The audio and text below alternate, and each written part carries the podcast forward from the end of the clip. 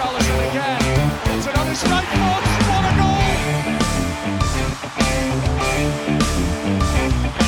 That is fantastic from Everton.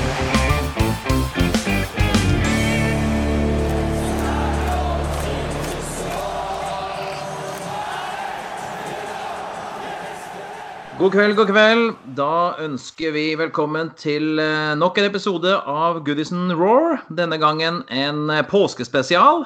Håper alle klarer å finne litt eh, påskestemning der ute i de tusen hjem i disse koronatider. Forhåpentligvis ikke på hytta, men med familie og god stemning rundt seg i tida vi nå skal inn i. I og med at denne episoden spilles inn eh, i dag, som det er tirsdag, eh, og det har nettopp vært en pressekonferanse med nye tiltak og nye, nye inform ny informasjon rundt eh, resten av våren. Slik det ser ut nå, så blir det ingen norsk fotball før i ja, tidligst til slutten av juni, kanskje ut i juli. Eh, muligens ikke før til høsten. Så blir det jo spennende å se hvordan dette kommer til å arte seg i Premier League, som vi alle sitter og venter på.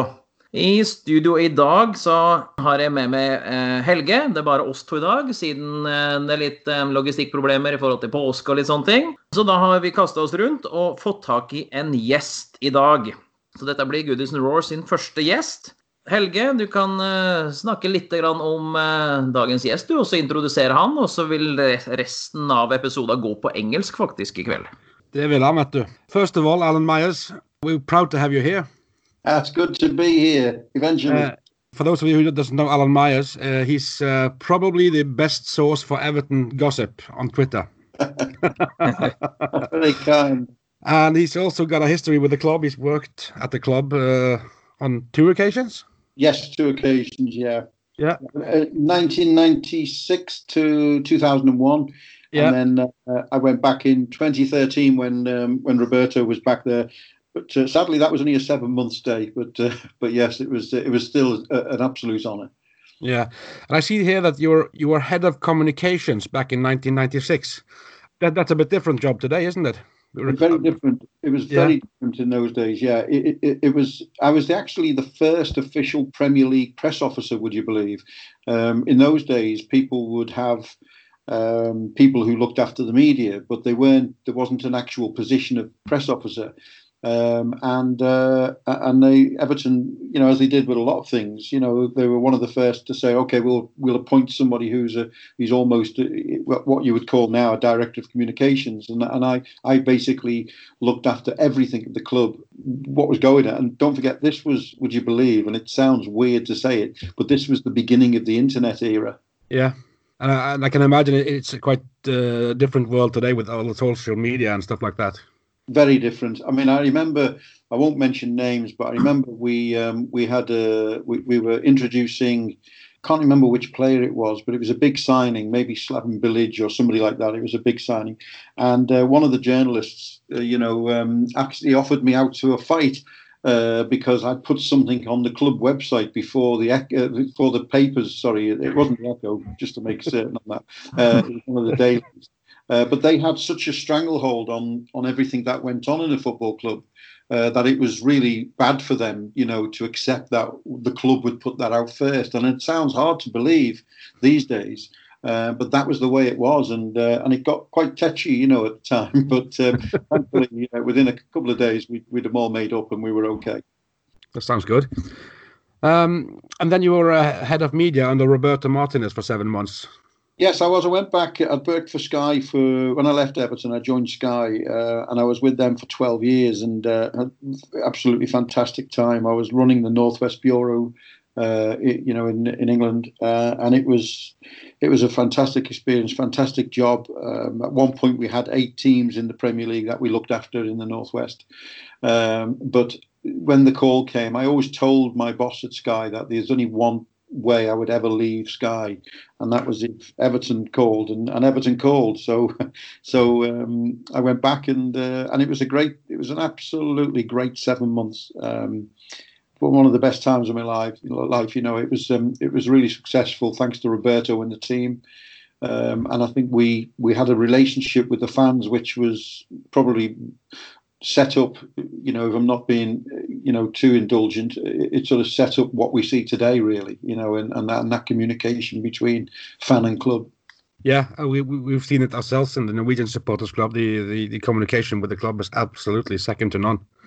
They do really take care of us when we come over there, and, and they do everything they can to please us. On, on basically, Yeah, on, basically on every every stupid thing we ask for, really. yeah, well, they're a great club in that respect, and they, you know, they they listen to fans, and I think you have to now. I think football clubs, you know, they have to. They can't do any do it any other way. The fa- fan base is so important to them, uh, and I think it's only right. But Everton do it excellently. Es- especially great, great for us uh, who is an overseas club uh, to to have the feeling that we are equally uh, placed with the, the English uh, supporter club uh, because we, we we really feel that they take care of us in every way. Uh, well, I think you've got Thomas Myhre to thank for that. He's, he's a legend. yeah, he's a good lad, and also we're uh, we're also very good friends with uh, with Darren Griffiths, of course. yes, yeah. Just done a fantastic job. He's actually an honorary member in our supporters club. Believe Oh, it or not. really? Yeah. Well, I, remember taking, I remember taking Darren on to work. All He- right.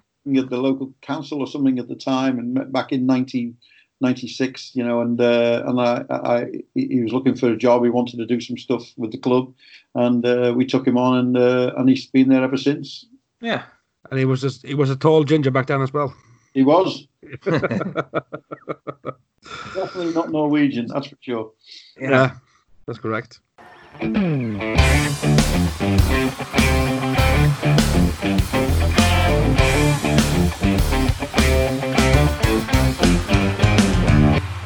Um, we have a we have a couple of uh, main points we we wish to uh, talk to you um, about tonight. Okay. Uh, it's about, uh, as you probably uh, can imagine, the Corona stuff and uh, how how the Premier League is going to work out um, in the future. What what is it like being in England? Because because here in Norway we have uh, had quite strict uh, regulations the last couple of weeks. Uh, no schools uh, open, no kindergarten open, uh, almost every shops and things like that closed down. How is it in, in England these days? It's, it's very similar to that um, that picture you paint. Um, it's you know it's it's probably the weirdest feeling I've I've I can ever remember in my life, and you know, and I'm 58 this week, so you know it's been a long time since I've seen something like this, and I think people are walking around in a little bit of a daze, really, not knowing what to do, how to deal with it. Um, and people are people are getting on with it and they're trying their best. And of course, it seems like many years ago that since we last had football, um, you know, and that's because obviously, you know, that it's not the most important thing now. The most important thing is to is to make sure, you know, that, that we get rid of this this virus, which is is causing so much grief. And uh, yeah, it's it's it's really weird. Um, and I think you know, on the whole, people are people are managing with it. They're coping with it. They're, they're, they're doing as they're told. On the on the whole, people are staying in when they've been told to stay in. Uh, there's been a few instances where that's not happened, um, but it, it, it's strange times, and uh, you know, I, I, it, it's very difficult to sort of sum up how people are feeling. Really, you know, we're we're into our third week now of lockdown, and uh, and it's very odd. How do you talk to people uh, inside uh, Everton? How is it? How how are things going there? Well, I think that you know they're the same as everybody else. Um, you know, the, the, there's nobody really there. There's a few. I think there's a few staff possibly who are you know key workers like the ground staff and people like that. You know, who have to have to be in work. You know, because you know you can't leave the ground to to, to overgrow, or and there's obviously security needs to be there. You know, so I think there are you know certain things going on there but i think you know officers wise and, and and of course the players and the staff and it'll be a very weird place at the moment i think uh, everton um, and, and, all football clubs for that matter um, but they're doing what they what they do but i think what is fantastic about everton and is the work that's going on outside of the club you know in the community and, and, and the way they've embraced the situation and as they always do, you know, have responded in a fantastic fashion. Um, some of the, you know, the things they've got involved with, whether that be players, whether it be people taking food packages, whether it be people answering the phones, you know, calling people who are vulnerable and, and making sure they're okay. Um, some of that stuff has been, you know, heartwarming and, and, and, and everything you can imagine that you would describe it as, and uh, and it's fantastic see. But it, co- it doesn't come as a surprise, you know, because that's what we come to expect now of Everton. Uh, the the players uh, ob- obviously at home in quarantine and stuff like that. Uh, what is the main thing uh, they're doing uh, besides exercise and working on the the mental things. Is it uh, how how is the situation for the players? Do you think? Well, I think we've had uh, in my in my time, I've seen some tricks from one player. Theo Walcott uh, was doing something the other day. I saw Lucas Digne reading a bedtime story. Um, we've had, you know, all kinds of different things. We've had uh, the, what, what I thought was one of the best things I've seen was um, was Andre Gomes trying to do uh, a version of Castaway, and he was speaking mm-hmm. to uh, yeah. football, you know. So they, they've been, you know, they've tried to get involved. They've tried to get. I mean, and there's a fine balance because, of course, you know, we can't forget that there's some serious stuff going on in this country and, and around the world, you know, and and uh, you know, so there's a balance to make there. And um, but I think you have to keep, you know, keep the spirits up. You have to keep involved. You have to keep fit if you're a player, you know, because there's going to come a time soon when the season will start again, and uh, you know they need to be ready. Um, when that will be, who knows? You know, who knows? But um, but they have to be ready. How long? Uh, how long? How many weeks do the players and clubs need to uh, to uh, to be ready for uh, fit for match? Well, I, I read. Um, I mean, normal, you know, pre-season is is a month, isn't it? Just over a month. You know, four to six weeks. Um, you know, I read. I think it was um, our great manager, uh, you know, uh, Carlo, who said that they could possibly do it in two weeks. Um, because, of course, don't forget they've had three quarters of the season already uh, maybe a little bit more. But I think that would be ambitious. I think um, I think because I mean we're talking it could be it could be two months, you know, without football, um, and I think. You know, I, I, I think I read uh, Kevin De Bruyne's uh, comments where he said that, you know, people will get injured if they go back without a proper pre-season, you know, um, or proper preparation. They'll get injured, and I think that is a is a concern. So who knows? I mean, um, it depends really how long it goes on, I suppose, and that's that's the frustrating part at the moment is that nobody really knows what might happen. There's not there's no sort of marker in the in the distant future, you know, or you know the near future or the distant future as to when this might change. And frankly, at the moment, it's not the most important thing. So. You know, it, it, it's difficult, and so I, I wouldn't like to be those at the club, and they have to plan, they have to do these things. You know, you can't just switch a switch on and, and all of a sudden every, there's 40,000 people at Goodison again. It doesn't work like that, you know. And and I think that not only have we got a huge challenge, you know, to get over this virus now and, and, and to, to get the country back well again, but we've got a huge challenge, you know, to restart the country as well. And that goes for football as well. Yeah, because the the it's it's it's difficult to to to, to the whole the whole uh, the whole idea of, of, finishing the season and then you have to have a are, are you uh, jumping right to the next season from from the end Do you have to have, have a, a pause in between so it's many questions to have to be answered before you can finish this season and start the next one well, many questions, yeah. And we've seen today uh, Greg Clarke, the chairman of the FA, has come out and, and sort of said and I think really from uh, any of the three sort of major authorities in this country, um, has the first to sort of cast a doubt on restarting the season. He said the focus is very much on doing that, um, but we have to be prepared that it might not happen. You know, it might not be restarted.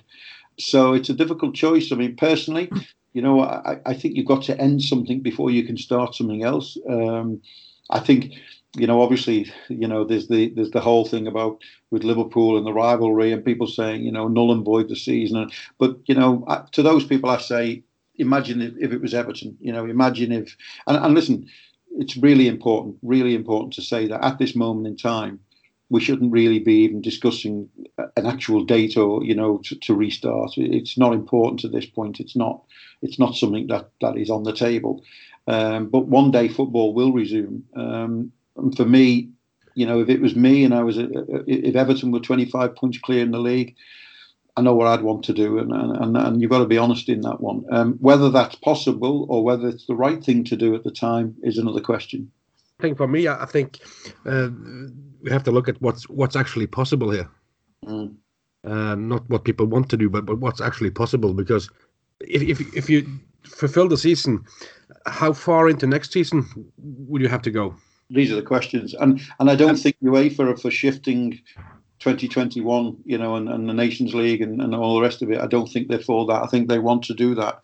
And I think they will have a big say, of course, on, on what happens. So I don't know. As you say, it, it, it, it's one of those questions which is just unanswerable at the moment um, for two reasons. One is because we don't know the length of what, what might be ahead of us, and two, it's just not important. You know, at this point, it's it's just not what's important. Is you know, you've seen our prime ministers in intensive care. You know, it's it's there's serious stuff going on with people's lives, and uh, and I think we have to just accept that and um, as that one day the questions then can be asked about football again. Yeah, wisely spoken. About um, the transfer window, uh, I, I, saw that uh, the UEFA and FIFA were saying that they will, will probably uh, uh expand the transfer window and, and, and so on. But um, what kind of players do uh, the, uh, the, the player logistic is is Everton still working on that? Is is is all those things stopping up? You know, I think that goes on. I think it has to go on. You know, um, you know, no one's signing anybody or no one's doing anything at this point. But I think obviously work will still have to go on because, as I say, there's going to come a day where you know things will start up again and people will want to start up properly. You know, and they'll want to have all the tools they need to do that. Um, but I think when you look at the situation as we stand now, um, you see so many, so many things which have got to be taken into account. Um, you know, what about loan players? What about contracts? You know, I heard UEFA saying and FIFA saying that they're telling clubs that they have to extend contracts and things. Well, FIFA, that's not in their gift. You know, um, it's it'd be the law of the land wherever it is. So if it's in Norway, it'll be the Norwegian law. If it's in this country, it'll be the law of England and Wales. You know that yeah. decide on. And if a player doesn't want to sign an extension to a contract, he won't have to. And, and you know, and all these things. You know, th- there's all kinds of different caveats which we even as we look on a daily basis, we won't have seen yet. You know, which will be hitting if we're talking football, we'll be hitting football clubs. Um, the financial situation. I mean, the, the, the, FA chairman today has talked about you know a chance of losing clubs. We could lose clubs, you know, in the next few weeks, and, and and, with little chance of getting them back when when when we start again. And you know, some of the some of the clubs are in in a right mess, uh, and you know, it's. it, it, it is a worrying time, and I think football, in particular, will look at itself and say what can be done and what do we have to do. And this is why they have to start making decisions, player-wise, player wage-wise, and everything else. So I think that's on the agenda at the moment, rather than possibly what we might do in a transfer window or not. Yeah, that's very much true as well. Uh, but in another matter, it, it's it, for life to getting back to normal. I mean, football is a huge part of that, isn't it? Oh, it is. You know, I mean, football. You know, and this is what when when people say, you know, oh, it's only it's only football. You know, I've heard Piers Morgan say it a few times. It's only football. You know, it's not just football. You know, it's it's community. It's everything that this. You know, of course, yes, it is a big business. There's no getting away from that. But I think what is more important is what these football clubs mean to the community and many of them do fantastic things in that community. They, they, they not only that they provide jobs. I remember many years ago talking with the the the, uh, the chip shop fella across the road from Goodison, the Goodison Supper Bar. Uh, I used to go and see him regularly, as you can see if you just look at a picture of me. Uh, but, but but you know, I used to go, and I remember him telling me, without the football, he doesn't have a business. So I wonder yeah. what is he doing at the moment? You know, what's happening to him? He will have lost three, four games at least. You know, by the time you know um, it comes in a couple of weeks' time. You know, I can imagine how much he must have lost when when he didn't have the derby game. You know, and, and these things. So it's much more than football. It's people's livelihoods. It's people's businesses. It's people's and, and it's people's mental health. You know, football does so much. You know, for people's health and. Um, and I think it, it's all that you know, all that in into you know, as you say, when it comes back, we have to have it, and we have to we have to make sure, as you say, it will be a big part of getting the country back on its feet. It provides many people with a release, you know, and people people will need a release when this is all over. That's for sure. Yeah, that's true. I think um, maybe enough uh, Corona talk for now. We um, have to have some uh, positive uh, sides also. I,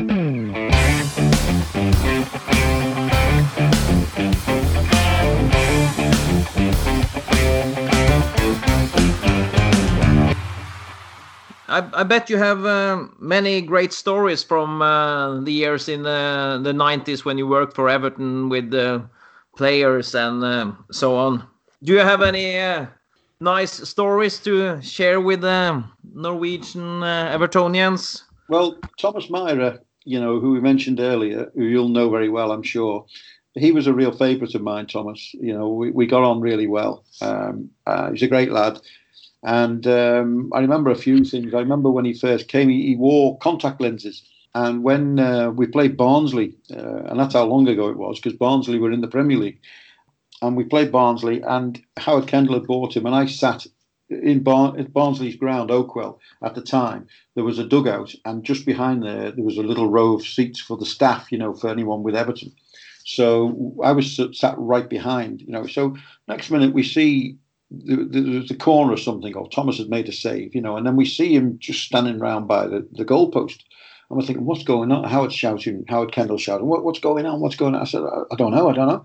So anyway, Jimmy Martin, the kit man, had gone up to see him and he shouted down, he's lost his contact lens, you know. and I'll never forget because Howard looked at me and he said, we've bought a goalkeeper who's got contact lens. You know, and I said, I am thinking, well, you know, why are you asking me? I'm the press officer for God's sake. You know what I mean?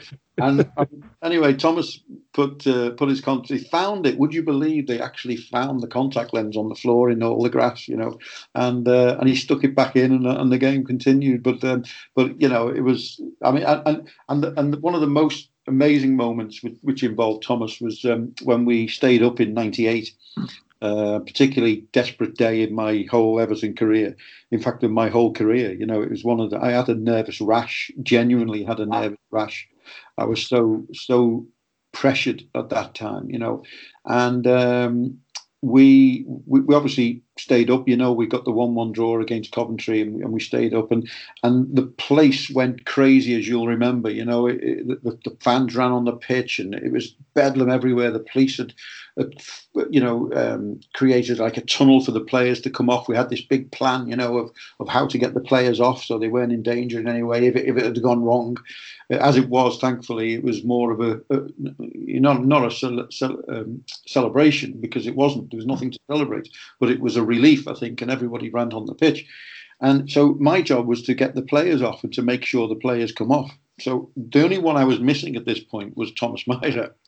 And uh, I'm shouting to the, the manager. The manager shouting, "Where's Where's Thomas?" I said, "I'm, I'm going to try and get him. I'm going to try and get him." You know, don't forget at this point the whole pitch was completely covered with fans going crazy.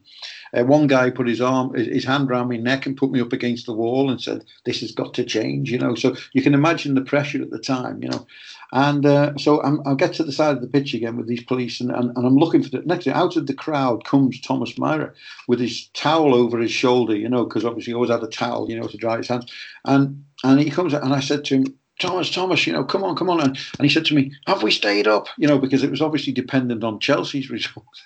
and he said, Have we stayed up? I said, Do you think you think you'd still be alive if we hadn't? You know what I mean? You know, because he was in the middle of all these mad, crazy fans. You know, so the next minute he turned around and disappeared back into the crowd again and started dancing again with the crowd. It was just, it was just a crazy time, you know. But but he was a great character, Thomas. And I, you know, I loved him to bits, and um, and yeah, but um, but you know, it, it was a it was a strange time. It was a different time then. Um, people often said to me, "What did you what what difference did you did you see when you uh, you know came back to Everton in 2013?" And I said, "Well, I came and the first thing I had to do the first week was to have a meeting with four senior players. I won't say who they were, but I had a meeting with four senior players about image rights, and they came in and all four of them had a briefcase." And, and I couldn't believe it. I mean, when I left in 2000, you know 2001, um, Gazza was trying to uh, insert a window wiper somewhere where it shouldn't have been on me. You know, so um, and, that, and that that that was the type of feeling it was at the time. Players came in, they trained, they had a bit of a laugh, and they went home. Now they're business people, you know, and there's no two ways about it. They they they deal with so much of the of their career. They deal with I know of course agents do it as well, but but they're involved in everything and and um, and it's you know it's not it's not a bad thing. You know, it's a good thing. Um, but that that was the difference. You know, players in those days would literally just come in to train. Uh, I, I, got a question from a mate of mine uh, earlier this evening. He, he said you have to ask uh, ask uh, Alan about uh, uh, some of the crazy players Everton has had. Gascoigne, Andy van der Meyde, Royston Drenthe. We have we have had a couple of the the the party happy boys. Yeah, well, I mean, I don't really know Van der Meyde and Royston Drenthe because they weren't there when I was there, you know. But um, obviously, you heard all the stories about them, and and you know, I, I, think some of the stories I've heard. I'm glad I wasn't there at the time. um, but we had a few. I mean, when I was there, we had a few crazies. Um, you know, Gazza was king of all crazy people. You know, he, he it, did, it didn't get any any worse than Gazza. Um, he, my job not description, what I'm trying to say, my, my job responsibilities went up 50% when he arrived.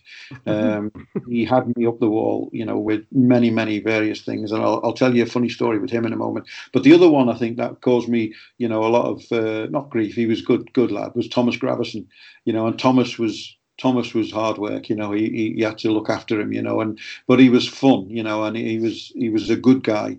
Um, but he was very unpredictable, and you didn't know what what he was going to do from one day to another. Um, he used to come in in a little little uh, car, a little van. You know, everyone else is coming in in you know Bentleys and and and you know sports cars and all the rest of it, and he comes in a little van. Um, but um, but no, but Gazza was Gazza was, you know, incredible. I mean, some of the stuff. And I always tell the story. Um, you may have heard it. I don't know. But when we went and we got him on Question of Sport, and uh, the, a friend of mine is a producer of Question of Sport, and he asked me if I could get Paul on because they'd always wanted him to be on there. So eventually, I said to Walter Smith, "Could I? Would you mind if I, uh, you know, take him up?" And he said, "Well, it's your responsibility. If he causes any trouble, you're you're to blame." So I said, "Okay, no problem. I'll, I'll look after him."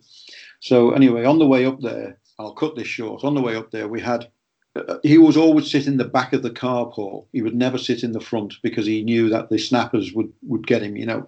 Uh, so we were, go, we were driving along the M62. I'm in the fast lane, and I had I'd been shopping for my wife for a few bits and pieces, you know, and I put them in the bag in the back, and but also I had a box of car um, pictures, photographs of players, all the team, first team players.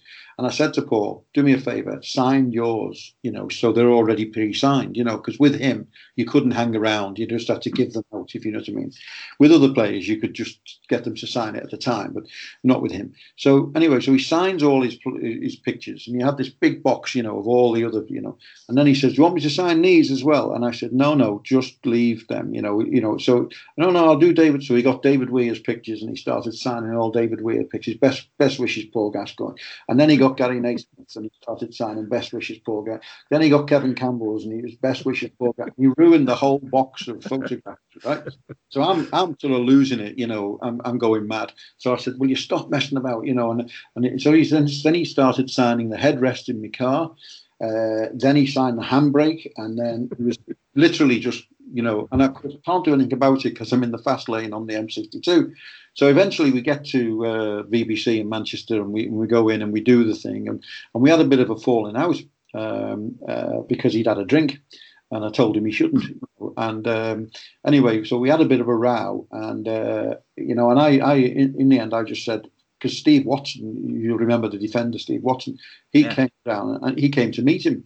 And I said to him, Steve, take him home because I've had enough of him, you know, because he promised me he wouldn't have a drink and he did have a drink, you know. It wasn't it wasn't a lot, you know, but he, he did have a drink.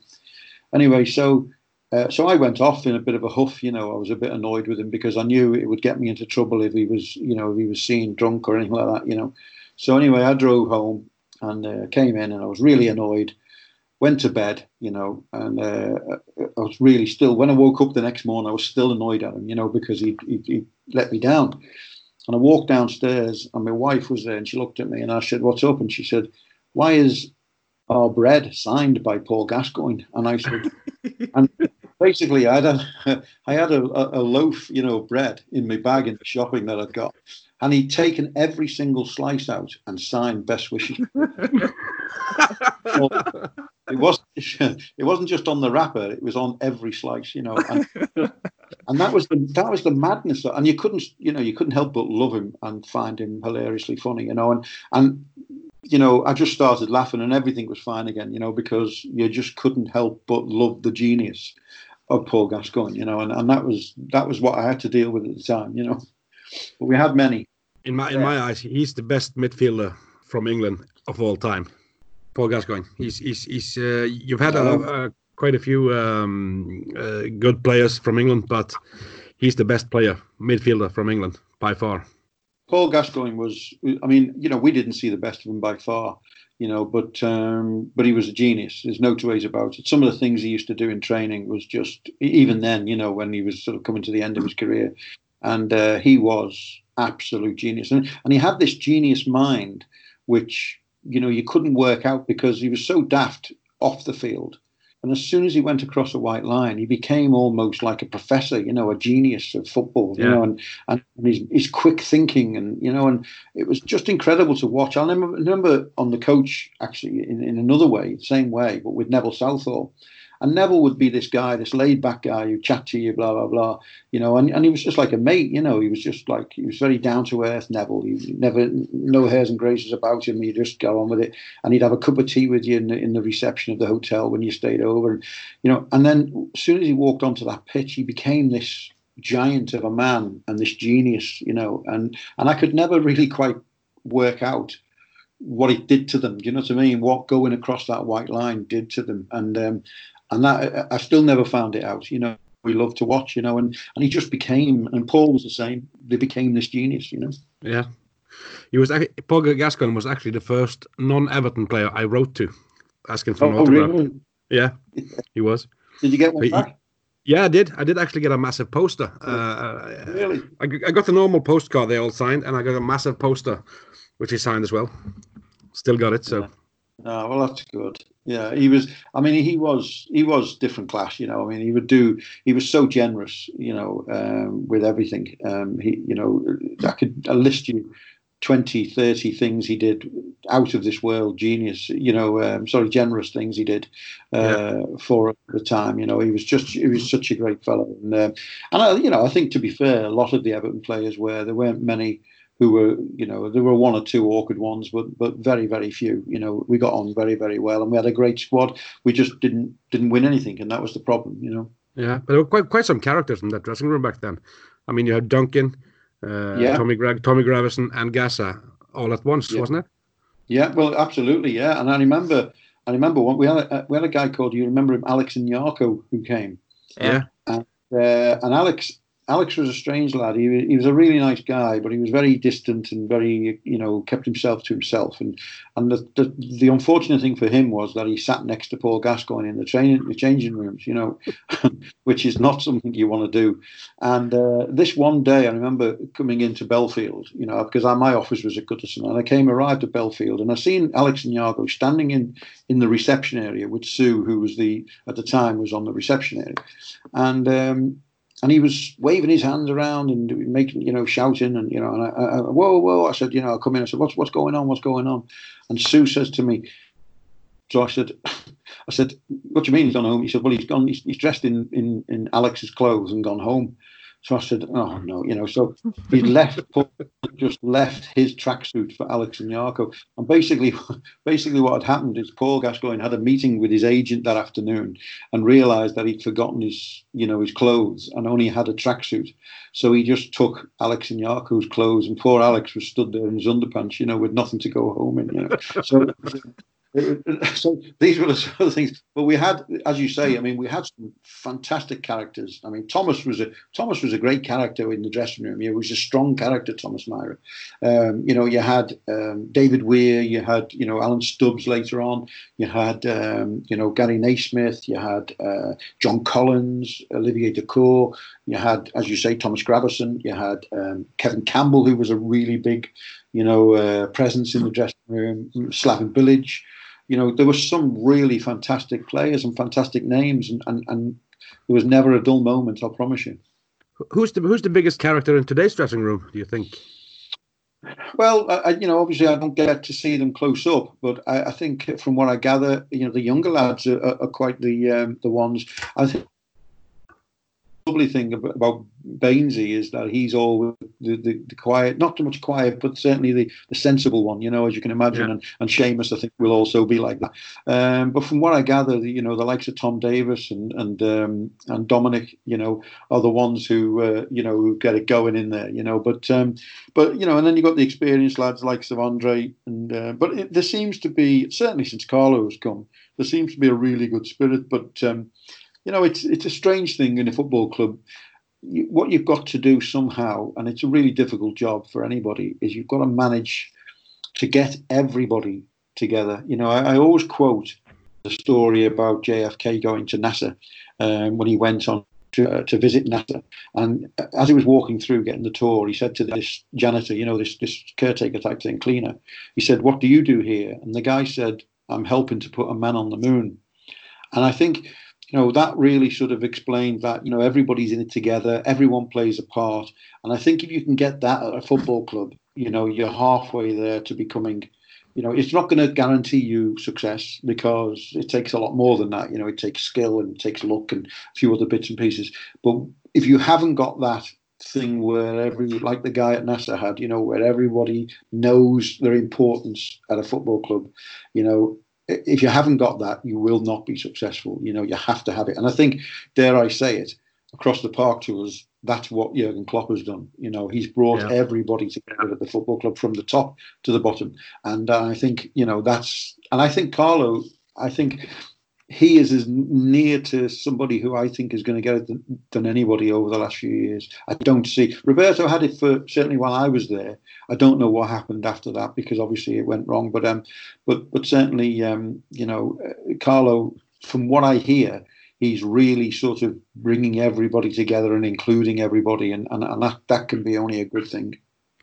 Yeah, and after reading Carlo's book, uh, it's called Quiet Leadership I think that's what yeah. he talks about there as well, uh, bringing everybody together. If, if, if the players having a party, join them, have yes. a good meal, have a good meal, and and and, and be like a whole uh, gang of friends, basically. Yeah, listen, people are going to fall out. That happens in any business, in any you know, in any walk of life.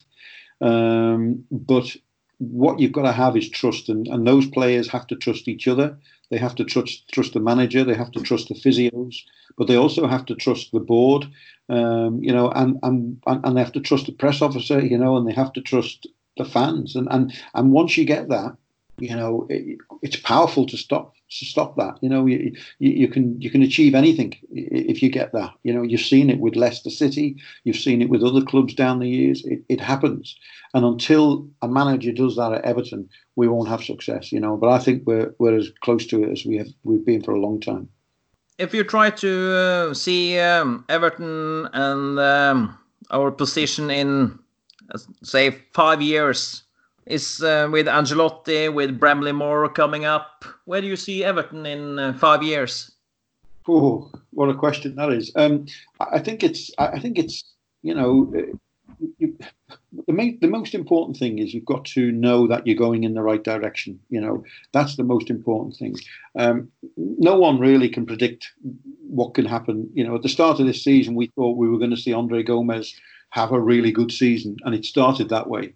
Um, and then we know what happened. You know, so you know it's, it's difficult to know exactly what's going to happen in five years. But what you do is you look at the the different areas of the club, um, and you see it building. You know, you see quite literally building within the stadium bit, um, but you see how the the the uh, the team is building. You see how the manager is built. You know they're bringing in, and I like what Moshiri has done. You know I like the fact that he went out and got because I remember at the time when Carlo was um, Carlo Ancelotti was was taken on.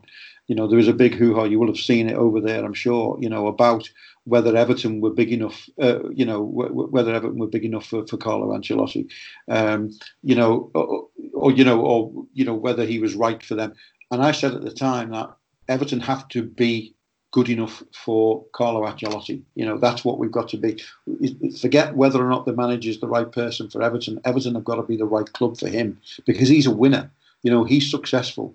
We weren't. You know, we haven't been. So he's obviously doing something right and we weren't. You know, so we've got to now respond, give him everything he needs to be able to do the job, to be able to be successful. You know, obviously you can't just give a manager everything. That, that's just silly. You know, we've seen how that goes wrong. But you've got to be able to make him feel that he's going somewhere, you know, and, and, and he's got the support of the club. I think Moshiri will do that. I think Moshiri's not not scared of of giving the manager what he needs. I think he did it with uh, with Marco.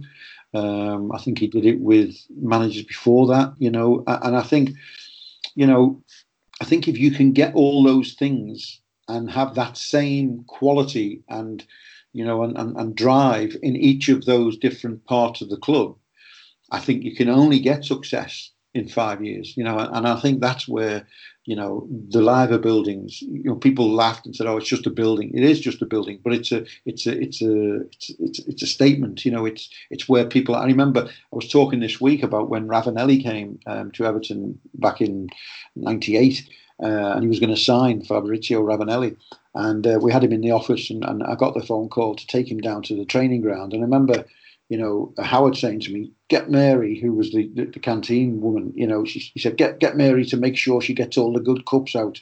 You know, um, he, he, didn't mean you know the, the, FA Cup and the League Cup. You know, he meant he meant the actual cups. You know, and and that's where we were. You know, as a club, um, unfortunately, and and that was the hard part. Now we have the riches. You know, to be able to go and challenge you know and i just hope we don't we don't i don't think we will but I just hope we don't lose that opportunity because we've got a great opportunity with with uh, Farhad Moshiri. You know, Bill's done a great job down the years, but it, to his own admission, he was only ever going to be able to provide so much. You know, whereas Moshiri is a different kettle of fish now. He is someone who can make it happen, and we have to respond. We have to respond to him, and we have to respond to the manager, who clearly is a winner. You know, so that's where I see it. And it's a long answer, but that's how I see it coming together. You know. Yeah, but it's it's, it's a very sensible answer in my eyes. Well, it's the only thing, you know. It, it, you can't have success overnight in football. It doesn't work like that. You might have, you know, a little purple patch, you know, but it's certainly not. You don't build success. Look at Manchester City. Uh, how long has it taken them to become? And I was there in the in the early days with Manchester City, reporting from a sky. I was I was outside there when Robinho signed. I was, you know, it was the first real transfer window day, if you like, the transfer deadline day, um, and it's taken time for them to get it right, but they're getting it right, you know, and they got it right, you know. So it happens. Yeah, you have you have to find the right person to bring you forward, and then you have to stick with the person for three to five years. Yes, you have to. Yeah, yeah. The combination of Moshiri and Ancelotti is is is uh, on paper a winning combination, and uh, let's let's let's just hope that uh, the future will show that uh, it's the right decision. Yes, let's hope so. Ja, hva skal vi si da, Bjørn? Skal vi bare runde det av da på norsk? Og så, ja, og så tror vi skal ønske, ønske, våre lyttere en, en, flott påske. Og så uh, satser vi på å være tilbake etter påske en gang med en ny episode. Får vi se om vi vi har vel neppe så mye kamprelatert å komme med da heller, så vi får nå komme med litt info om, eh, om eh, ståa og litt sånne ting. Og kanskje vi Vi har jo noen andre gjester på lager som vi kanskje klarer å grave fram, så det blir jo kanskje litt ulike spesialepisoder eh, i, i ukene framover, tenker jeg. Ja da, det blir det, men vi skal alltid få, få lage podkast. Det er nok å snakke om, og vi har nok ideer, så det, det skal, vi, skal vi få til. Ja. Nei, men da tror vi bare ønsker eh, alle Goodies and Raw-lytterne en strålende påske. Kos dere på, i hus og hage, og dere som er på hytte i egen kommune. Eh, vask hender og bruk antibac, og kos dere med familie. Så eh, står vi av denne her situasjonen her også, og så er vi plutselig tilbake med, med, med mer podkast etter påske. Ja. God påske. God påske. Takk for nå.